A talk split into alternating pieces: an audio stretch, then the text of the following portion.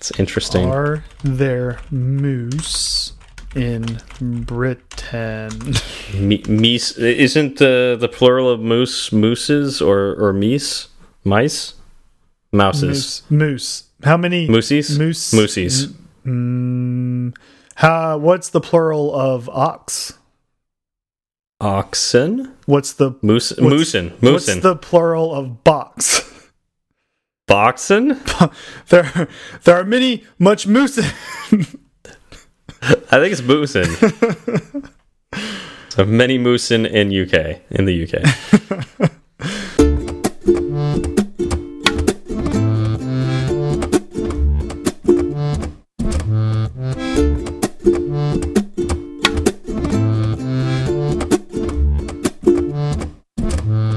What's up, y'all? I'm Zach.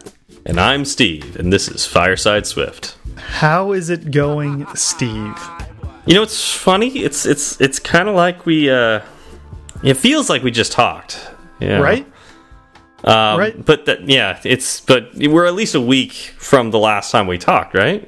Obviously, I mean, we recording back to back. That's that's ridiculous. Yeah, we wouldn't do that. Um, especially when major vacations come up, we wouldn't even need to do that, right? No, I mean, well, the alternative is to not have an episode.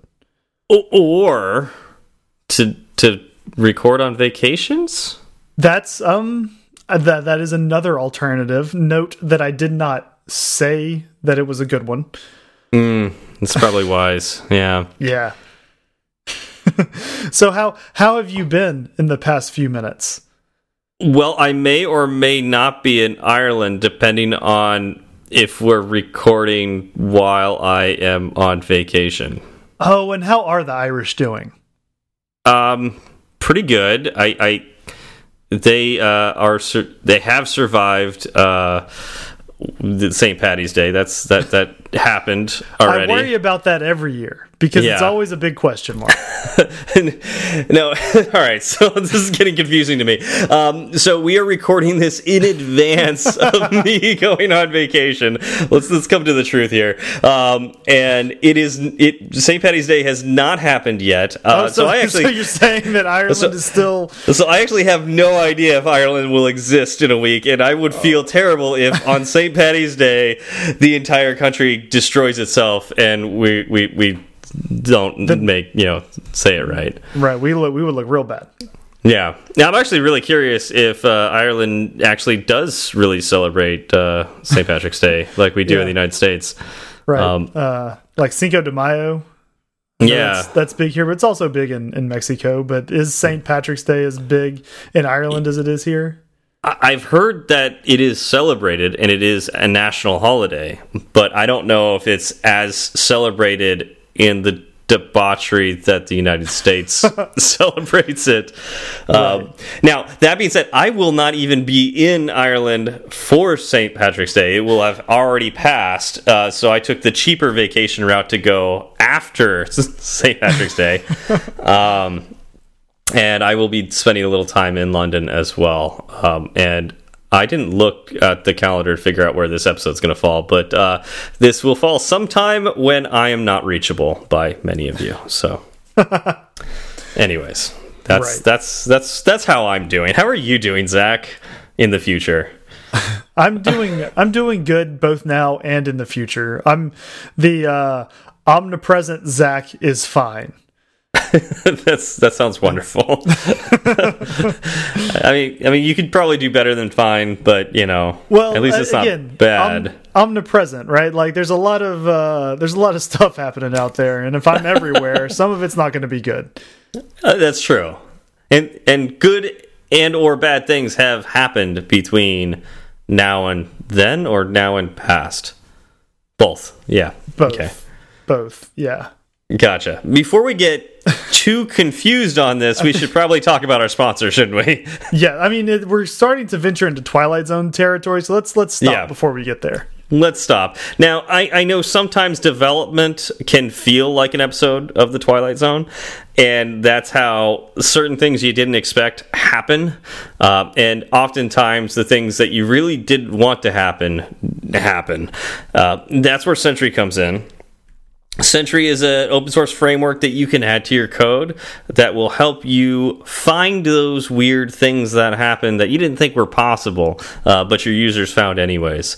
Uh, you, you could actually add this to your iOS apps, your Android apps, or even your web apps. And what happens if your if your code crashes, you'll get a, a notification and you'll be able to look at the stack trace of what went wrong and be able to pinpoint exactly what happened. Um, so, Zach, have you ever been in the twilight zone of bugs before? Oh, of, of course. Everyone everyone has at some point in their uh, developer um, life. It's part of it's part of programming. Um, now, I may not actually be omnipresent, but uh, something like Sentry kind of makes me feel like I am, right? Like if a user has a crash on their app, I get to know about it immediately. It's like I'm there with them seeing it happen. And that type of information is invaluable. Isn't that right? Yeah, I, I, didn't think about it that way, but that's yeah, that's that's kind of crazy, kind of twilighty. Um, anyways, um, it's free to start and easy to get, easy to add to your your code base. Uh, it also has several premium features that maybe you're interested in. And if you do, you can use our code Fireside Swift, all one word, Fireside Swift.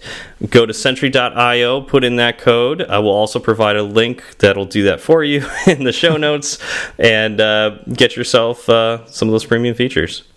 And we would like to thank Sentry again for supporting Fireside Swift.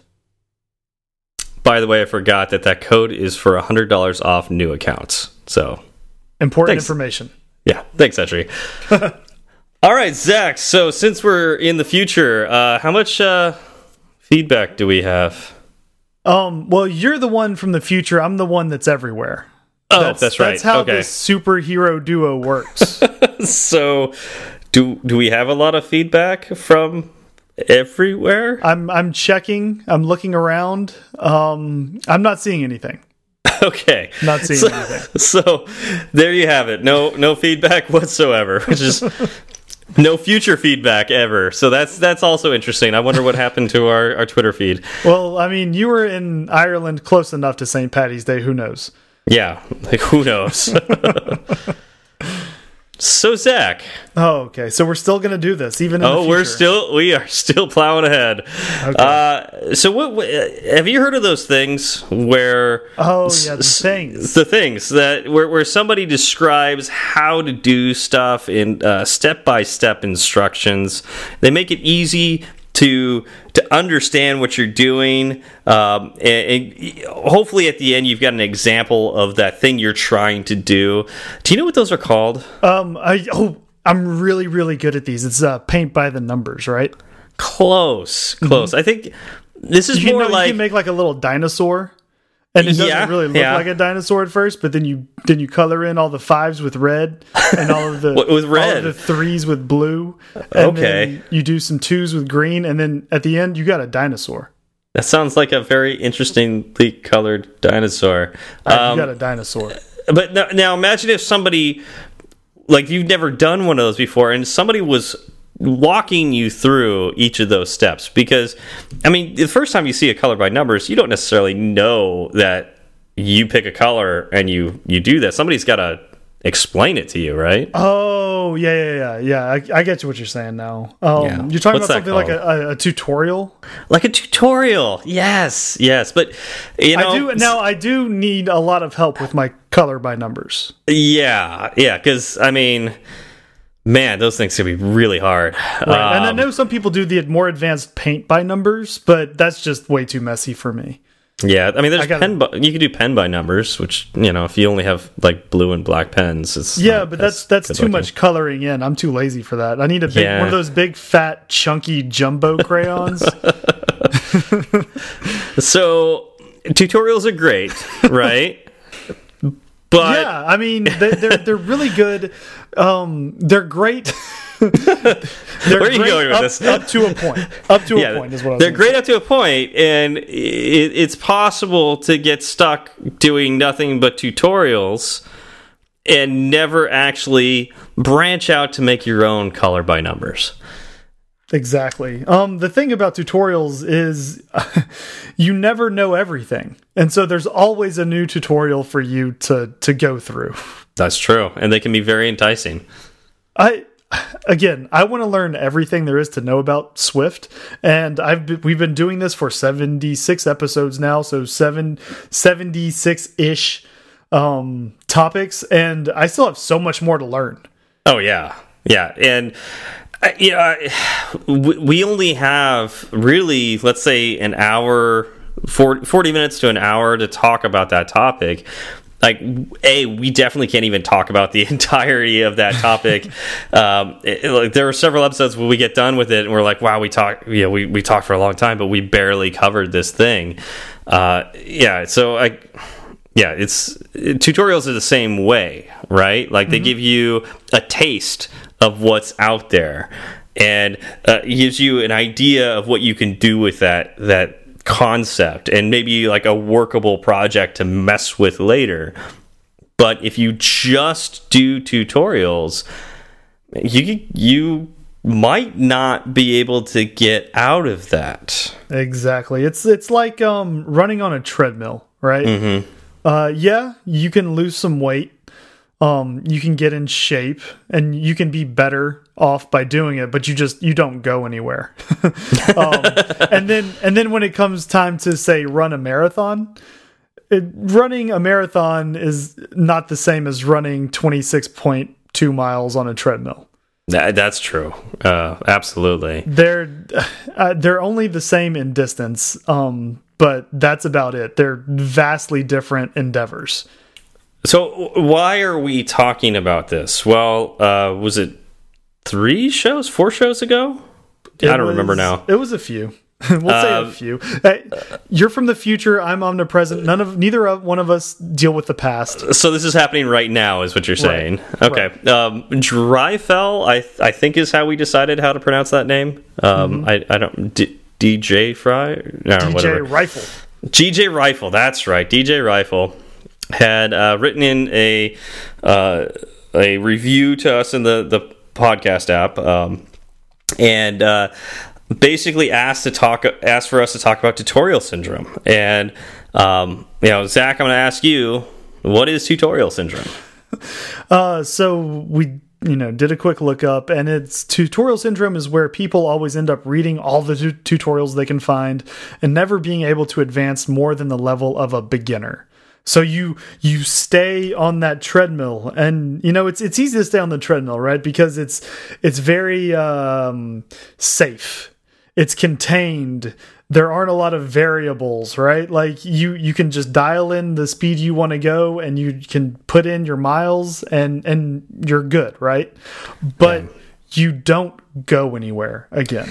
Well, one of the things with tutorials is I mean, they're they're fantastic in the sense that they guide you through the process, but you could shut your brain off. Like mm -hmm. you mm-hmm. could just shut your brain off, and if it's a good good tutorial, you could just do what the tutorial says, go through the motions. I will still say you're going to learn something, but there are some people that Oh, I mean, not just some people, like anybody. if you really shut your brain off and just go through the motions, you may not get the nuance of why it's important of what you did. Right. Um, and right. you can't see me right now, but I'm, I'm raising my hand because I am yeah. one of those people. Yeah. Um, there have been plenty of times when I'll be excited. I'll go through a tutorial and I'll end up at the end with some working module or tiny toy app, and I'll think it's amazing and everything works properly. Yep. And then, uh, like the next day, the next week, the next month, I'll I'll go to implement something like that, and I'll think, wait, I, I did a tutorial. I know yeah. how this I know works. how to do that. Yeah. And uh, two minutes in i'm back at the tutorial going okay wait what what happened? Yeah. where did i i forgot everything. Um, yeah yeah it and I, I think one of the problems with it is if you do a tutorial and you don't change anything about that tutorial you do exactly what the tutorial says and do nothing different you're not going to learn as much. So uh, I, will say right out front i learn best from tutorials Mm -hmm. You know, more than anything else, more than reference books, more than videos. Um, yeah, I know you could have like video tutorials, but I I can't do that. Um, I'm, and I that that probably should be part of this as well. Is that you know those those do count, um, mm -hmm. but I I definitely learn best from doing an example, but I don't just do the example. Like um, I don't know. Let's let's talk about a, a Ray Wenderlich tutorial that I did uh, back when I was first learning iOS. Mm -hmm. um, it was on building a socket server and uh, connecting an iOS app to that socket server and building like a chat app, right? Right. Well, that's all fine and dandy. But I looked at that and went, I wonder what else I could do with this. And I did a quick search and said, like, well, you know, what if I can make the Python server, because the socket server is a Python server. I wonder if I could, like, have that call like a C program that I wrote.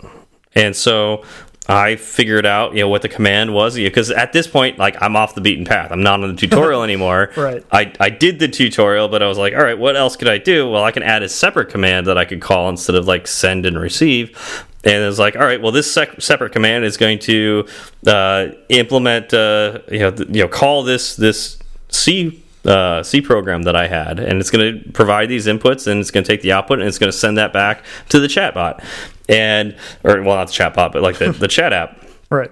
And so I tried it and I failed a couple times until, you know, now I'm like really in the weeds and now I'm just trying to debug this thing that I created. And eventually I got that working. I was like, oh, this is, this is pretty cool. And it's like, oh, ding, like here's, now everything's possible. I can make an arbitrary server call any you know program that I write if I want to, and as long as it's got inputs and outputs, or actually it doesn't even need that, it just could get run go run a program and do its thing, and there we go. Like that's that's done, and I I ended up using that for my midterm project on uh, computing the inverse of a matrix.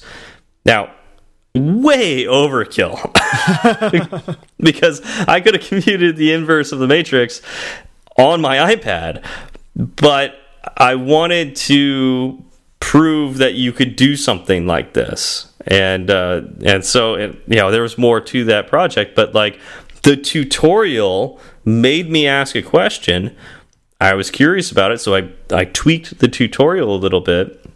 And I ended up learning a ton about socket servers, Python, you know what I could do, and because I wanted to do this matrix thing, that meant I had to go into collection views, and so I made a couple collection views, and of course, when you tap on it, I wanted to have like a pop up to I could that's where I can input text. It's, it's just like it led to this this just deep dark hole of where I learned a ton of stuff, all from one tutorial. Right, right, and that's and that's uh, fantastic, and I think that's kind of what I do as well. Um, I have a similar story. I didn't go as out there as you did. Um, but I took a similar tack. There was I wanted to learn URL session and data tasks, and you know how to fetch mm. fetch data from a remote uh, server using an API. Um, and so I found a, I found a tutorial that did it, and I followed along with it, and my app worked great, and it felt awesome. Right. Mm -hmm. um, the thing about tutorials is they're very handholdy. They say yep. write this line of code after this line of code, and then after you do that, write this line of code, and nothing ever breaks. Yep. You don't see what goes wrong. You don't see the possible errors that could happen, right? But unless, it's, do... unless it's an outdated tutorial. That has happened to me. true, true. I'm, all of this is under the assumption you're looking at something that is uh, in date. Yeah. Um, and so I, I learned how to do this URL session data task and grab grab data from their server. But I thought, you know, what's something I could do to deepen my knowledge about this? And really, you know, I know what it is now, but I know that I don't really know it. um, I've been exposed to it, but that doesn't mean that I have a deep understanding and I could just write it up if I wanted to. And yeah. so uh, I created my own little toy project. I wanted to um, use the Star Wars API, that is swapi.com, um, and just have a an app that all it is is a, it's a table view and it returns um, you know it, the app calls out to the api grabs data brings it back and fills it into that table. That's it. Yeah yeah. Um makes sense. you know you keep it i kept it small and contained and i started out on it and it was rough right? And and you can kind of feel de dejected after going through this tutorial and having everything work properly Yep. to to going to your own thing and then forgetting how anything works um failing all of the corner cases and breaking breaking with every step of the way right? Yeah. um but what that teaches you is one you you learn where to look for the answers right? Uh two you learn resiliency. Um and three you just at the end you feel more confident in yourself um Yeah.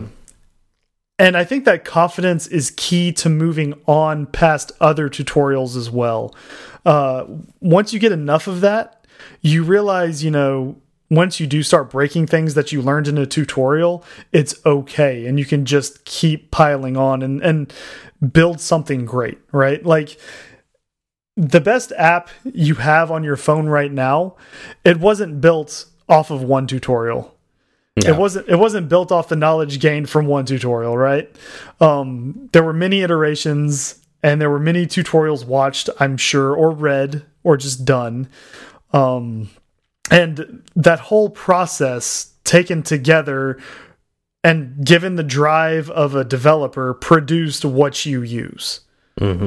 But it's really hard to lose sight of that when you know you finish something that seems basic and everybody says is basic like you know url session and then you you feel like you don't understand it um now the follow-up to that story is uh i got it working everything was great and now every i don't know year i guess i've written it twice now so i should probably do it again i'll go back i'll go back and try to re-implement it right i'll, Yeah. I'll just start from scratch Nice. and rewrite it because Yeah. I know I know I haven't touched it. I haven't touched URL session since I did that tutorial and that second build of that app, right?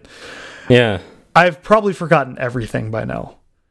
Well, that's Like- that's that's a neat strategy. It's something you're familiar with. You you know you've got a code base that works, but you could start from scratch and like learn it. You know, try it in a different way or try it with the new stuff you've been using. Right, exactly. And here's here's one of the keys. I do not have that code base because I delete it after I get it working. Because I Oh, don't that's also interesting. I don't want to go back to it. I want to have something new and fresh, and I don't want Mm-hmm. the um, the pull of you know all of this code that works sitting there because I'm a completely different developer than Yeah, I was yeah. before, and so I'm going to come at the problem in a different way with a deeper understanding of Swift as a language as a whole. There was a conference, it was like a one day conference I went to that was on software craftsmanship. And one of the presenters was, they were from like Pivotal Labs or something like that, which is a very functional, they're they're very, much into the whole craftsman mentality of software development and one of the things they do is uh, he was preaching during his uh, during his talk was that uh, you should not be afraid to delete your code in fact um, he he- I think he like polled the the crowd or he, he showed some data. I'm not really sure, but it was like uh, if you wrote something let's say you wrote something today, right? And it took you, took you a week to figure out. If I were to ask you to write it again, how long would it take you?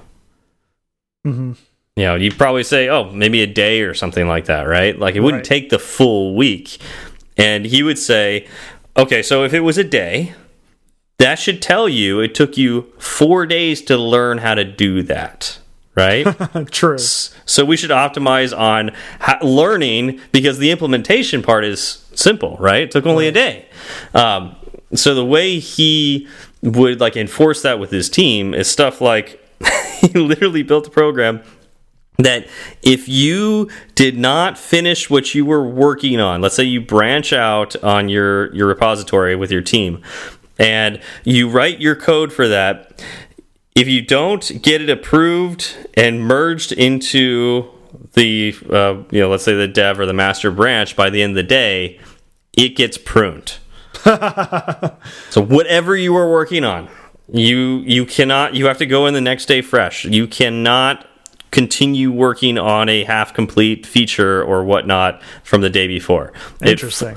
it forces you to write uh, you know, to, to, have quicker iterations uh, write simpler code um, you know get things done in a day uh, you know and, and here's the thing is like if you are like halfway through it you're halfway through learning it too and you're probably going to come at it with a better mind tomorrow anyway so at least that was his, his thinking on it um, yeah, I can I can see that. The one caveat would be, you know, at what point do you just stop writing because you know you're not going to hit that deadline? Right. uh, it's three o'clock now, and it would probably take me another four hours to finish. And I'm going home at five, so I'm just not going to do that. Yeah. And I, I think, and I think Pass. he would he would kind of argue that like you got your work done for the day, or you know something to that extent. Um, and maybe you should work on a tutorial or something like that, something else to learn, or get started on it and see how far you get because it's okay to delete your code. In fact, it's encouraged. Mm -hmm. You know, to try it one way and then delete it, and then tomorrow come at it and try it a different way. Right, and and I'm actually a pretty big believer in that. Um, and this this stems from from back in school. Uh, whenever whenever I had something go horribly wrong with a paper mm -hmm. or a project and I had to start over, I always felt better about that second iteration. Oh yeah. 100% of the time. Absolutely. Every every last time I had to start over. I I hated starting over. Mm -hmm. I wasn't excited about it, but the final product um definitely felt more put together. It felt it felt um better thought out. And it's funny like even though I had less overall time to finish it, like say I had a month to write a paper yeah. And I spent a week with my uh, with my first copy or you know starting it. And then after that week my computer crashed and i lost that paper. So now i only had three weeks to write it. Yeah. Um, the three week paper was better than what the four week paper would have been given oh, where yeah. I, I, began. And i know you people say you know rough draft first draft second draft but i was never i was never that person unless I was forced to be that person. and um, speaking from experience, it's it's a good idea to have. Now, there's a give and take, right? Like you can't just keep starting over. no, you really some, can't. At some I, point, kinda, you have that, to get it out there. That, that kind of sounds like this tutorial syndrome a little bit. You know, exactly. starting over and starting over and starting over. Exactly. How do you break out of that? and that is exactly where I wanted to go with that. Um, you know, you have to move forward at some point. Now, the question with tutorials is when do you draw that line?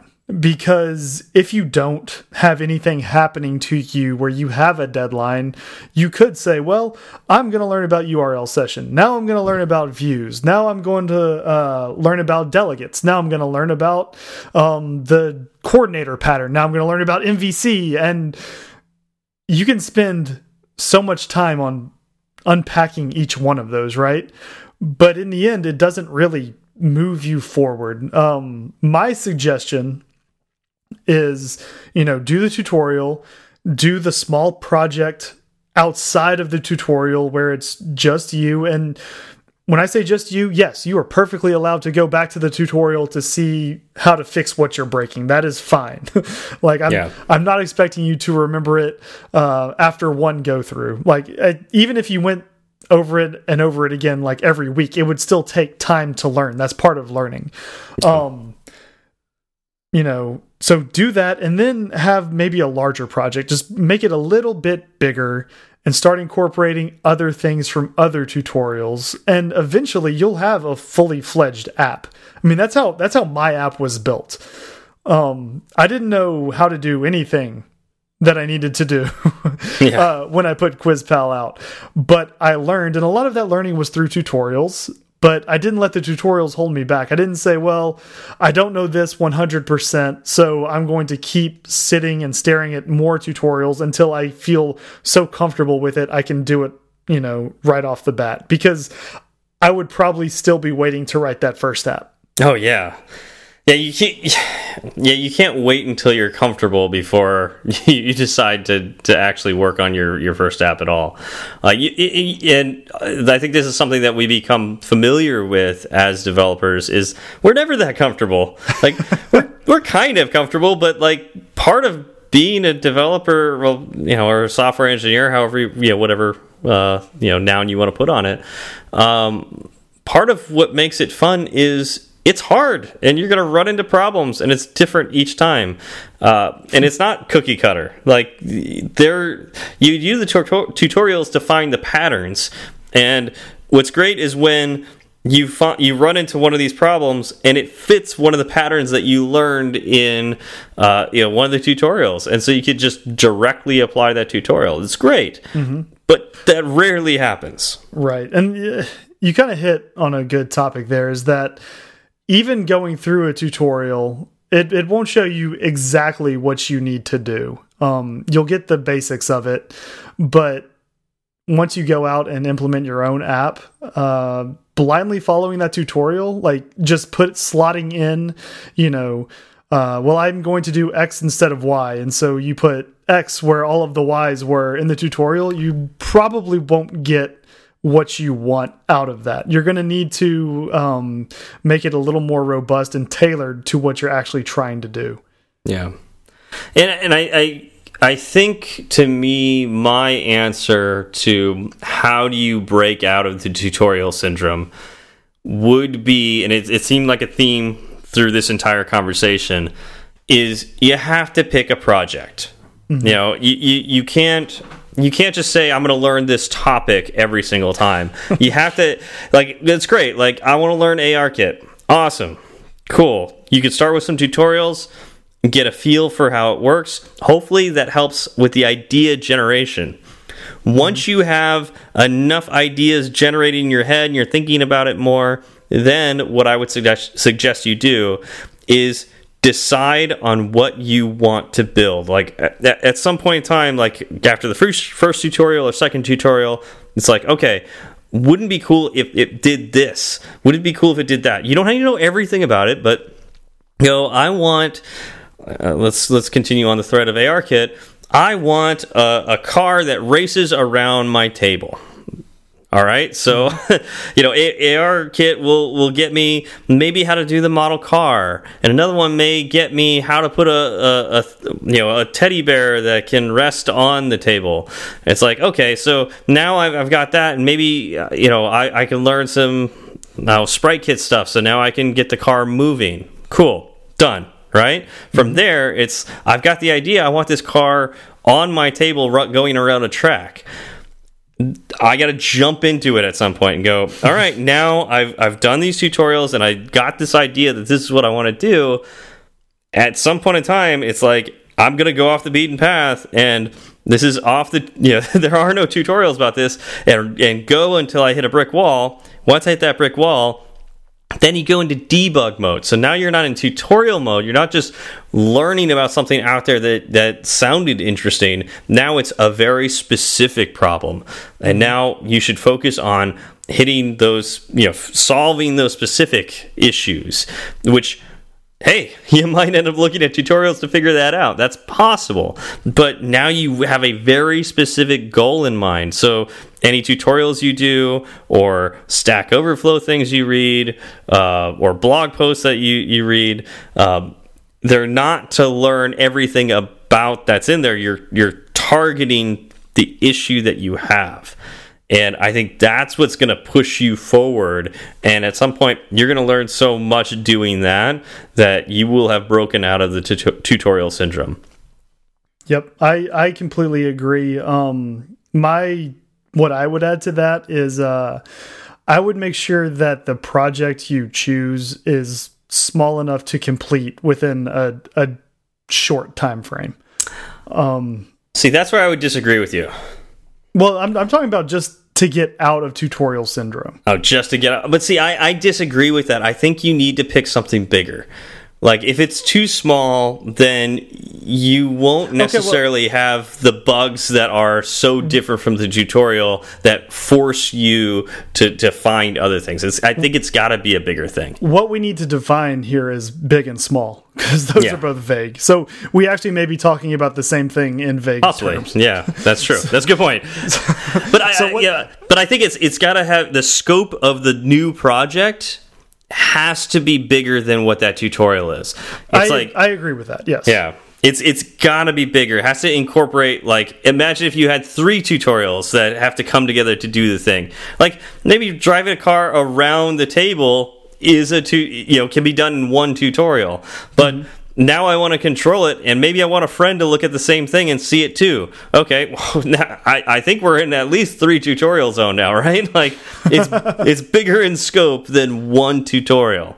Right. Um, but the thing is, with with that, you also you can add on to a small project and that's that's easier to do than having a big project and just waiting to get there yeah well and i would say don't wait to get there like just well no no, that, no what i'm yeah. saying is having a big project and feeling like i'm not there yet. I'm not there yet. I'm not there yet. Like if it takes you three weeks to get this project done and it's a big project but your other project was smaller and it took you a week to do and then you added onto it in another week and then you added onto it again in another week to where at the end of those three weeks you have the same product i think you feel better about it doing three smaller portions than one big one and looking at it that way. Because yeah, I mean, you feel you have momentum yeah. right yeah, and I think what you're talking about is like it's possible to get overwhelmed with the big projects, right? Right. To the point like, where it's it's easier to just stay in tutorial land because yeah. you are overwhelmed with all of the other work you have to do.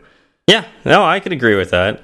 Uh, it, it, that's a, I, I feel like that's a totally different discussion, but it could be the cause of of that tutorial syndrome that you're stuck in.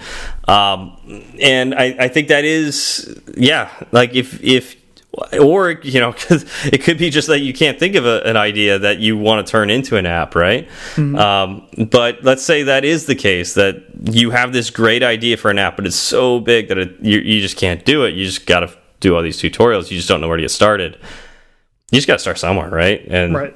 and i think what you're suggesting, small goals that you can achieve in a week or less, is significantly better than large goals that you expect to take you multiple weeks to a month. That makes it so you don't get those easy wins. And honestly, that's why we have stuff like Agile and Scrum, right? Right, right. Well, and the other thing is, um, it's easier for you to figure out what is in a week's worth of work than it is for you to figure out in a month's worth of work because you know a month let's say a month is four weeks it's four times longer. There are four times as many things that could go wrong within a month Oh yeah, than within a week. And I think so, it's, I think it's exponential. I don't think it's just multiple. Like I'm, just, I'm, just, I'm just, I agree with you. I'm just trying to keep it easy. uh, so it's a lot easier to hit that or to miss that month mark and yeah. anytime you miss that mark you're going to feel bad about yourself and and that's not going to help you get out of these tutorials right yes yeah um in fact i can see it easily pushing you back into them where you feel like well i don't i obviously don't know what i need to know so i need to look at more tutorials so i can hit my mark next time yeah 100% agree so, I mean, in the end, uh, so I'm a part of Paul Hudson's Hacking with Swift Slack, and it's fantastic. There are a bunch of people there. Um, one of the best things about it is uh, his loading screen. You know, on Slack, anytime you switch between Slack groups, um, you usually have a loading screen if, if it has mm -hmm. to mm-hmm. load anything. Yep. His is the same quote every time, and it is Programming is an art. Don't spend your entire time sharpening your pencil. From a guy who writes tutorials. right? yeah, no, it, I think that hits it, you know, right on the head. Like that that's it right there. Like tutorials are sharpening your pencil. That's great. You want a sharp pencil if you're yep. going to make art. But well, you can't spend your entire time doing that. You got to start putting that pencil to paper at some point in time. Exactly. Well, think about you know back when you were in first and second grade, you had those yellow number twos. Yep. And you would go stand next to that uh, that crankshaft pencil yeah. sharpener. If you yep. stood there all day just sharpening it, what happens? Your pencil gets smaller and smaller and smaller. Is this a metaphor for life? Is that what you're? Pretty much. That? And Life you end, just, up, just you end up with that nub. And there's always that one person in your class who's holding that nub and it's to the metal part where it's just yep. it's the the actual sharp end and then it goes the metal to the metal part and then the eraser. And they hadn't actually done anything yet. You ever uh, erase so much that you you lose the eraser and you think, hey, I wonder if I put this uh, metal part in the the sharpener and, and crank that that I'll get something like it'll shave away the metal and I'll get the, the eraser. Yeah, no, that doesn't It, work. it doesn't work very well. It, I've done. it makes that. an awful noise though. Yeah, don't do that. All right, so on that, either that or just just use a mechanical pencil. Uh, you know, Oh, that's that's then we're done. jam. Yeah. Okay. So uh, I I think that kind of covers it. I can't think of. I'm actually no. I know I can think of more to talk about with this. I'm going to arbitrarily shut us down a little early because just like you know some of the other episodes where we talk about stuff like this, which is our opinions, and we we have a ton of opinions. We could keep going. Um, But Easily. uh, I I think that kind of covers it, and so we should probably stop while we're ahead. I'm I'm with you. Cool. So, in keeping with uh, you know the the last several episodes where we are hitting all the shout outs that we missed from uh, uh, international reviews uh, on the podcast app, uh, we've got a few to talk about today. So, Yes. Zach, do you want to take us away with the first one? Sure. Uh, the first one is from Sebastian Barr from Germany. This came in in uh, January uh, January 28th of 2018. So we're we're getting closer. We're Yeah, so- only a little over a year behind Yeah, now. a little over a year. Okay. Uh, and Sebastian said, "Love the concept of the show. It's perfect for beginners learning Swift and iOS development. At the same time, it's just a lot of fun to listen to Steve and Zach." Thank There you, go. Sebastian, for that yeah, five star. thank, yeah, thank you, Sebastian. Really appreciate uh, you listening to us. Hopefully, you're still listening to us. Yeah, hopefully it's still fun too. Uh, can't always promise that, but yeah, yeah, that's the concept of the show, and you loved that, so hopefully that keeps going. Uh, here's another one from Sam the British Moose in the UK. There's a, a, a lot of moose in Britain. A lot of moose, isn't it like moosin or something There like are, that? there are many much moosin in Moose, Britain. mooses, mo moosin. Um, this is February 14th, 2018. A great podcast in the two guys talking genre. That's us. Yeah, that's. I didn't realize we had a genre, but uh, that's us for most of our episodes. We do have a three people talking version of our show, uh, and uh, yeah, so check that out too. It's kind of kind of fun. Different genre though. Different so genre, you- completely different. um, but this time it's a its subject is Swift. Yep, that's what we do. Uh, covers the basic, but reaching up sometimes to cover some of the more intricate elements of my favorite language. With favorite spelled very funny. Um, I think that's a British thing. Um, takes great care not to go too far too fast and free to admit when they get things wrong, which happens often. Um, oh, which just makes it better. He didn't say which happens often. Uh, I was I'm to adding say, that.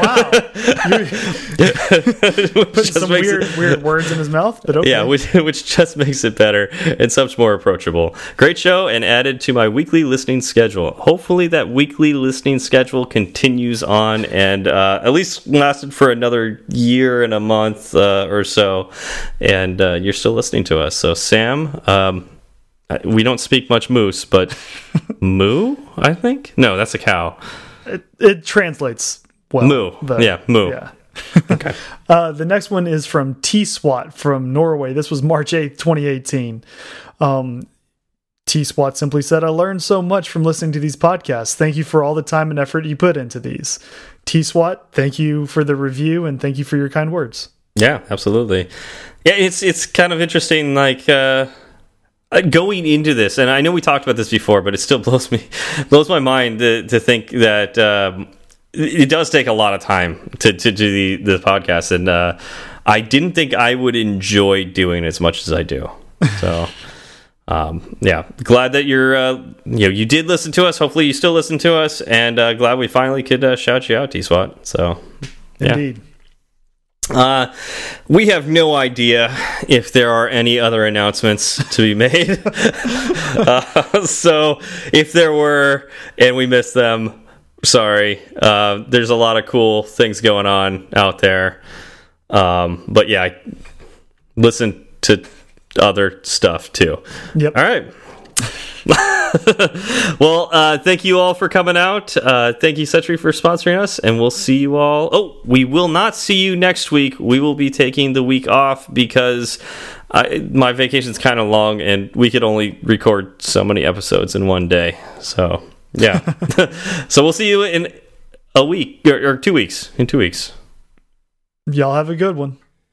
It's such a good feeling to be at the end. Happy feeling that there may have been a mistake or two. So we'd like to hear from you. Twitter's great, Breaker might beat it. Email's fine, but we rarely read it. But we love five star reviews, and we promise to mention you. So get a pen and write this down. Just kidding, who's got pens around? Still, they'd love to hear from you. Steve Berard and Zach Belgu. Tweet at Zach and have some fun. At TFALG, all you do one. At TFALG, all you do one. He'll write back when his work is done. Tweet at Steve and you will see clever use of the emoji at SWB. R A R D. Fireside Swift has its own handle, so you can burn three sides of the candle at Fireside underscore Swift. At Fireside underscore Swift. And if your message is a little too long, there's firesideswift at gmail.com and firesideswift.com. Firesideswift.com.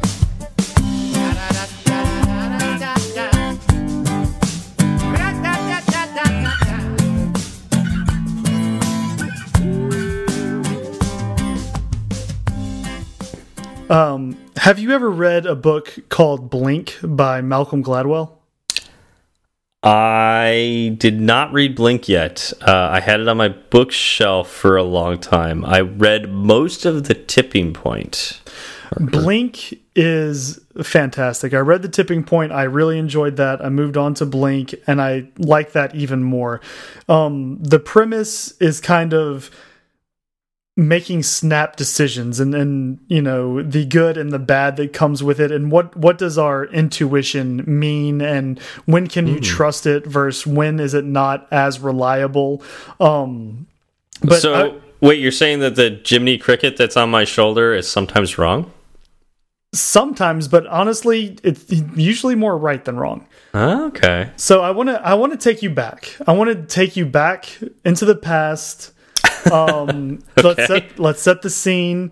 Uh, "When Doves Cry" by Prince is playing on the radio. uh, "Billie Jean" by Michael Jackson. Maybe you were listening to it on on your boombox as you went to the movies to go watch E.T. or or The Empire Strikes Back. Um, you know, I don't think I'm as old as you think I am. Would have your your Rubik's cube and, and your Koosh Koosh ball, wearing your hyper colored hey, shirt I, under your I, denim jacket. I, had a Koosh ball all the way into college. Those things were amazing. Right? They're yeah. fantastic. Um, you got your Cabbage Patch Kids. So I'm talking like early '80s, right? yeah, so, early. so all right. So before I was alive, okay, and same as me as well. But we can all in your in your mind's eye, in your imagination, imagination. Okay, Use I've got my imagination. Did they did they have the pump kicks with that uh, the Reebok pumps? I, were those Reeboks? They, I think those. I don't Reeboks. think they were out yet. That the oh, okay. shoe technology. I think the first like Air Jordans were coming out around then. Okay. Um. So you can you can take that. Okay. Okay.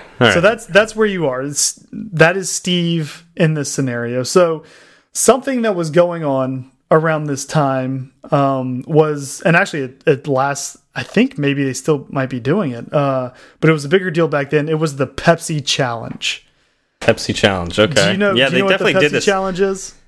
Uh, wasn't this like they took all of like like they took uh, the well, different the, colas, right? They had Pepsi, Coke, well, it was probably just, RC Cola, Pepsi, Pepsi and Coke. It oh, just, just, Pepsi and Coke. Head okay. to head, Pepsi. And they they, pour, they poured them into like clear cups, and they gave them to people and said, "Which one do you like better?" Right. That's it. That's it yeah. exactly. Yeah. Um, and, and they dr they drugged the one with Pepsi by putting more sugar in it, right? Well, here's here's the story behind the Pepsi challenge, and it's I think it's fascinating.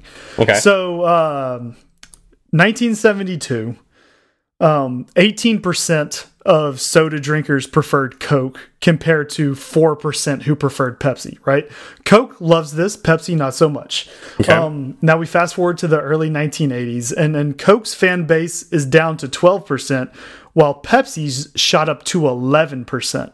Okay. And so now Coke, they don't know what to do. They're spending more than Pepsi. They have more vending machines than Mm-hmm. Pepsi. They have more shelf space than Pepsi, and they have better brand recognition than Pepsi. They they should be dominating, right? Yeah. Yeah. But for some reason, they're sliding while Pepsi's catching up. Um, and in the late 70s, early 80s, that's when the Pepsi challenge was born.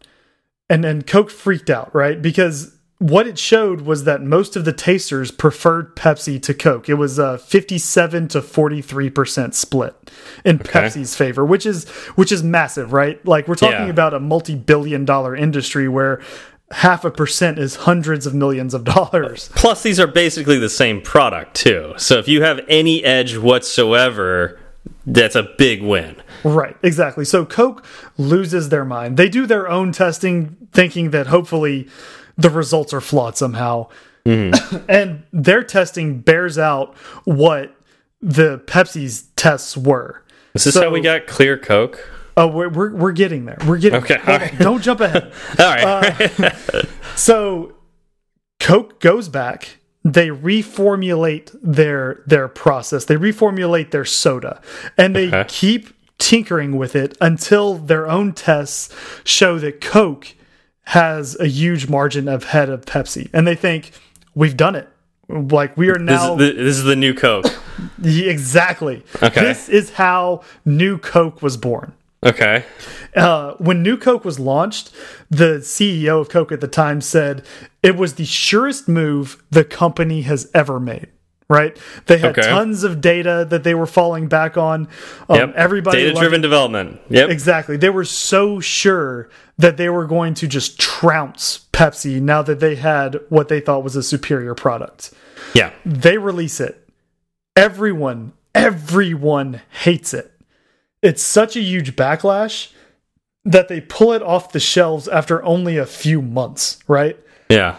And this is not this is not something they would do lightly after spending years and millions and millions of dollars in development on this new Yep. product that was supposed to be the winner. Yep. Yep. Why so the question is what happened? Why did people hate new Coke, right? And it looks like there's a, there's a, a few factors that go into it. First of all, there's the the tasting challenge itself is kind of flawed. Did they like? Were they still selling regular Coke when they did New Coke, or was it no, like? no, I think they they pulled Coke and pushed new Coke. I feel like that's the problem right there. Well, that's well, I mean, part of it is yes, Yeah. but no one was going to buy new Coke anyway, even if Well, they maybe had- they maybe they would have if it was like they would not have because side by side.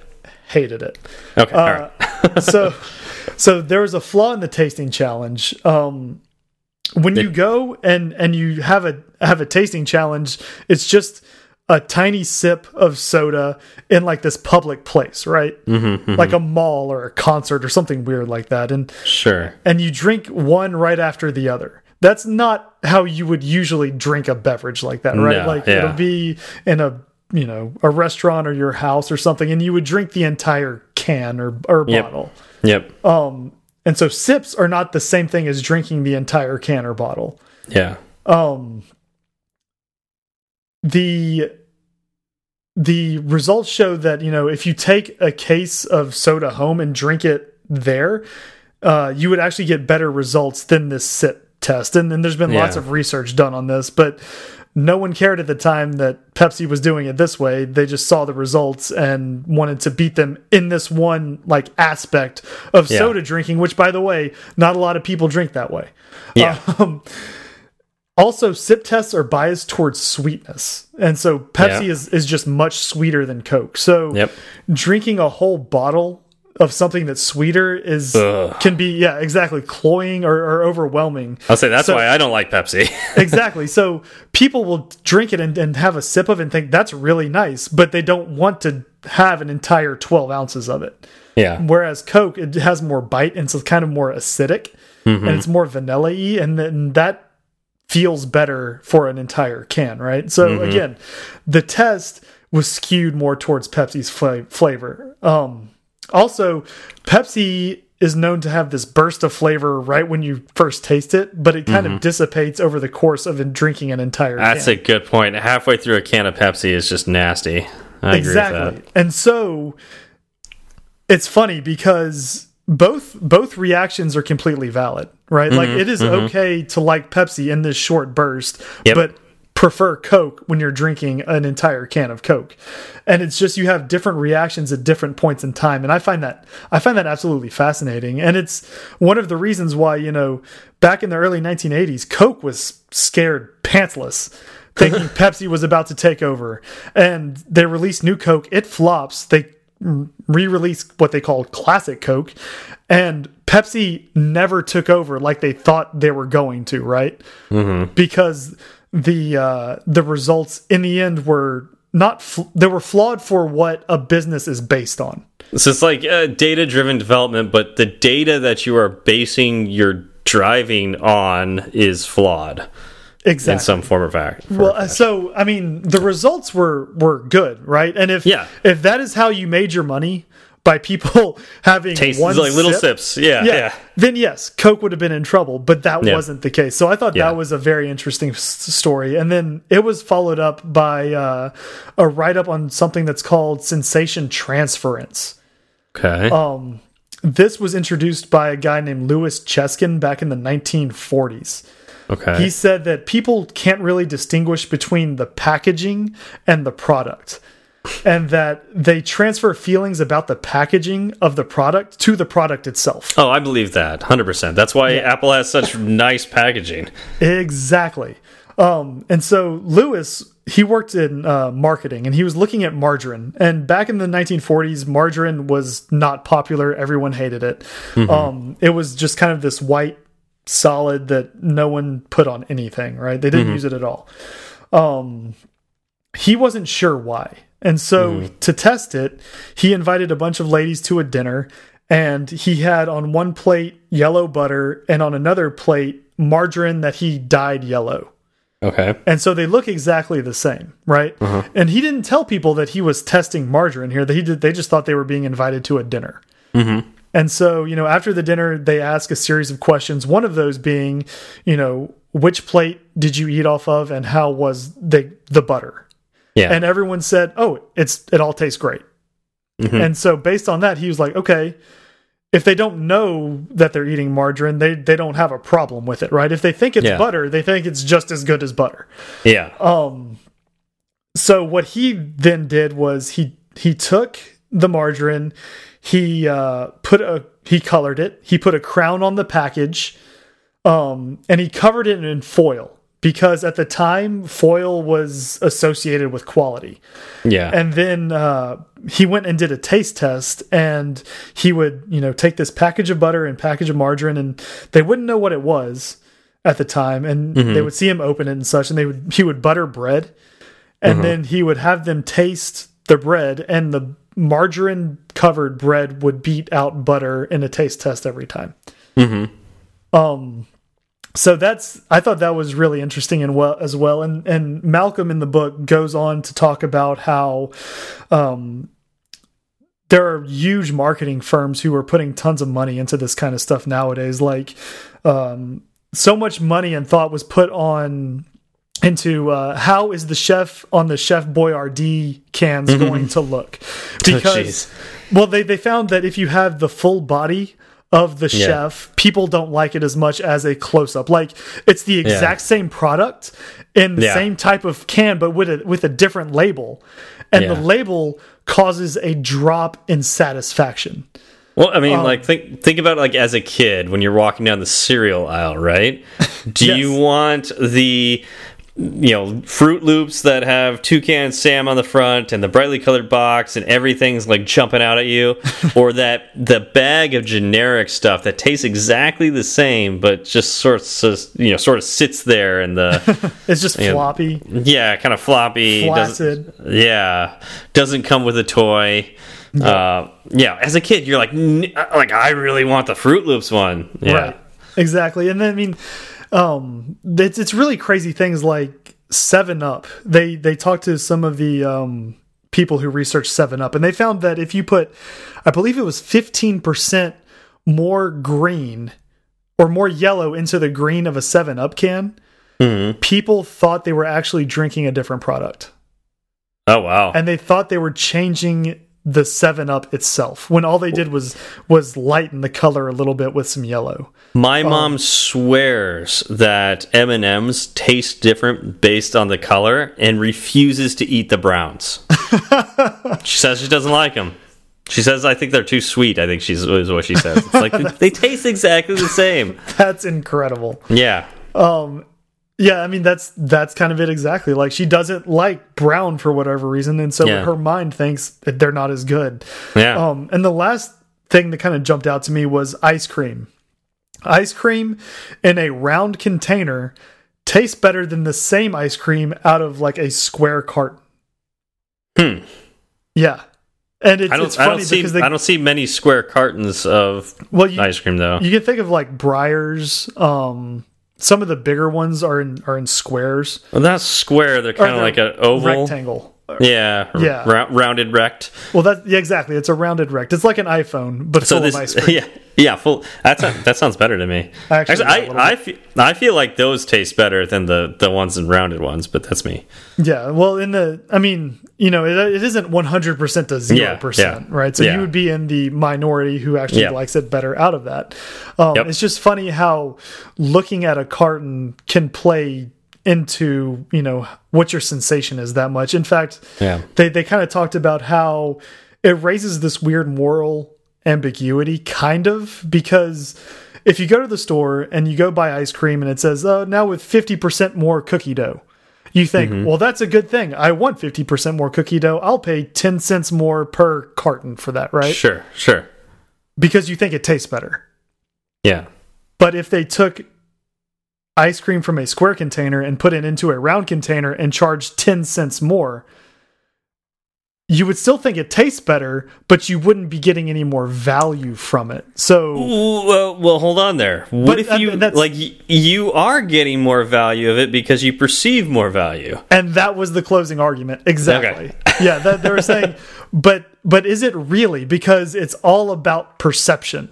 Yeah, And if you think it's a better product, then you are happy to pay for a for a, a better product, right? yeah. And so like, there there have been times when I've bought things and like the packaging is gross or something like that. Maybe it's hard to open. Uh, it's got weird like tape on it or something like that. It just feels cheap. Like I've already it's already sullied my view of this product. Whereas Right. like man, I think about any time I open a new Apple product. and that's see this is exactly Oh. what it made me think of it made me think of apple products and it made me think of apps with polish with polish Polish, like yeah. when you go to their their download page and they have Mm-hmm. nice screenshots Yeah. um the first time you open the app you know what does that look like what is your what is your snap judgment when your app opens what does that landing screen look like It's Uh, got what- it's got the the white loading background that immediately changes to a dark background. Uh, you know that exactly. that kind of quality, right? Uh, right like so so that in and of itself can make someone just delete it before you even Yeah. get through the door Yep, yep. and it's stuff that you're not going to find in a tutorial anywhere um you may find it in a design course Are you bringing this back to the show? i i'm not but We are it, done with the show, it dude. made me it made me think about it in, in these terms right like no one oh man, this No is supposed one- to be our free time to talk about whatever we is- want. it's And in my no, you, all the you're time. not done. it's in my brain all the time. Um, but it's it's stuff that you know if you don't have a designer on your team or if you're not thinking about design you probably should be. You need to pay more attention to it than you you probably feel like. And it's it's the little details that get Yeah. you right? Like anybody can line up buttons where they make sense. Yeah, but making sense doesn't necessarily mean that it's a good user experience and it's going to make people think highly of your app. Yeah. So I am actually I'm actually thinking about going to layers this year instead of AltConf for WWDC because of how important that is. Uh, Right. So La- layers is more of a design focused conference at the same time as WWDC. And it's not as expensive as WWDC, so that's another reason I'm thinking about it. Um, but I usually go to AltConf. I like AltConf for hearing what the community's up to, and I think I probably will still go to some of the talks at AltConf.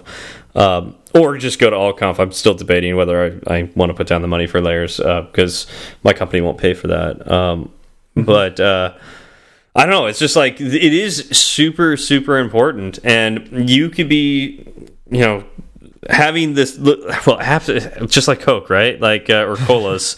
um, there's so many apps on the App Store that we're basically selling the same product. It's just what we package it with. Yep, exactly. Um, and and slickness sells, right? Yeah. like P PCalc PCalc is a calculator. That's all it is. it is a calculator.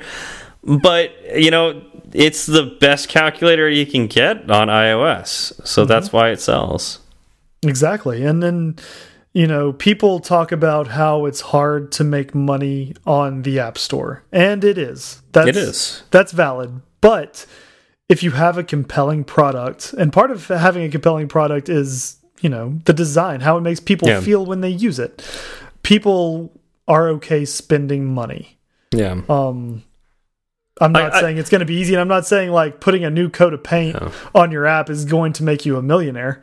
Um, but it it plays a larger role than people probably think. Well, yeah, and. I, I do think there's a lot of beginning developers out there that think if I just make an app, any app, and it works, it does what it I'm, I think it's going to do, it's going to magically make a ton of money.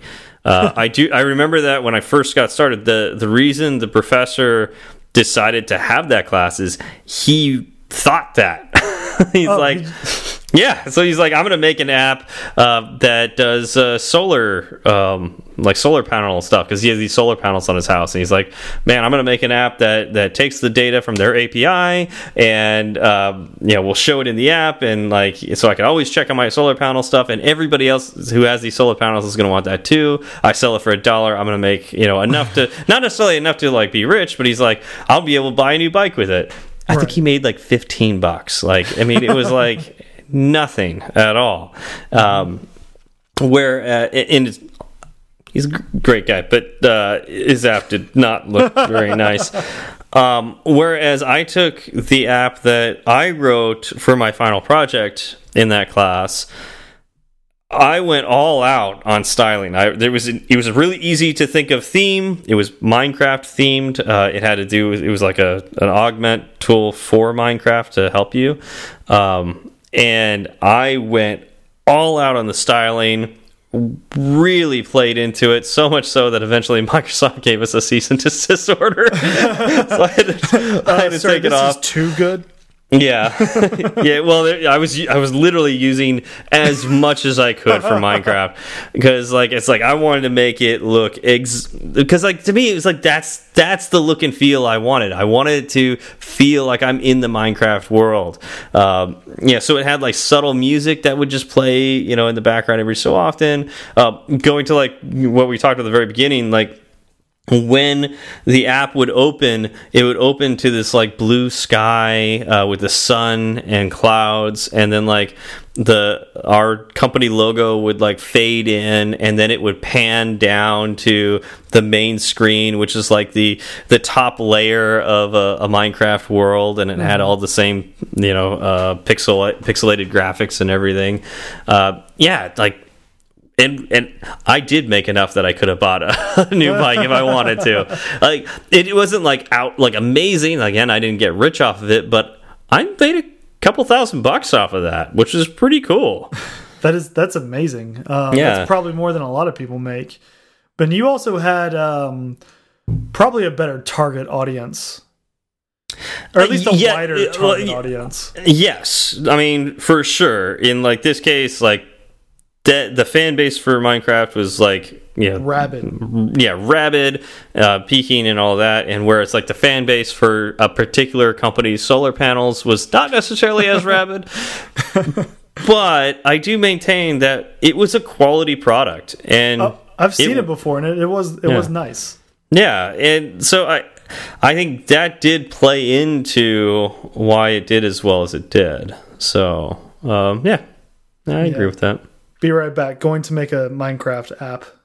Yeah, it might be too late. For, I don't know if it's too late. It's probably just as big as it always was. I think, oh, I think there was like an actual like festival, like music festival within the within my the Minecraft world or something like that.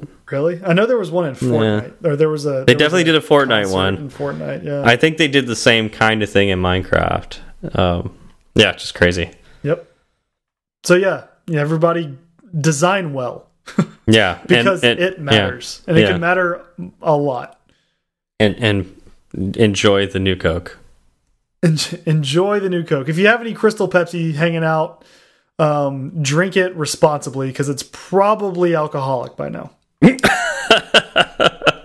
probably Yeah. some chemical reaction that has bonded the uh, oxygen to the hydrogen and created some some alcohol. Yeah, so enjoy that. Ding!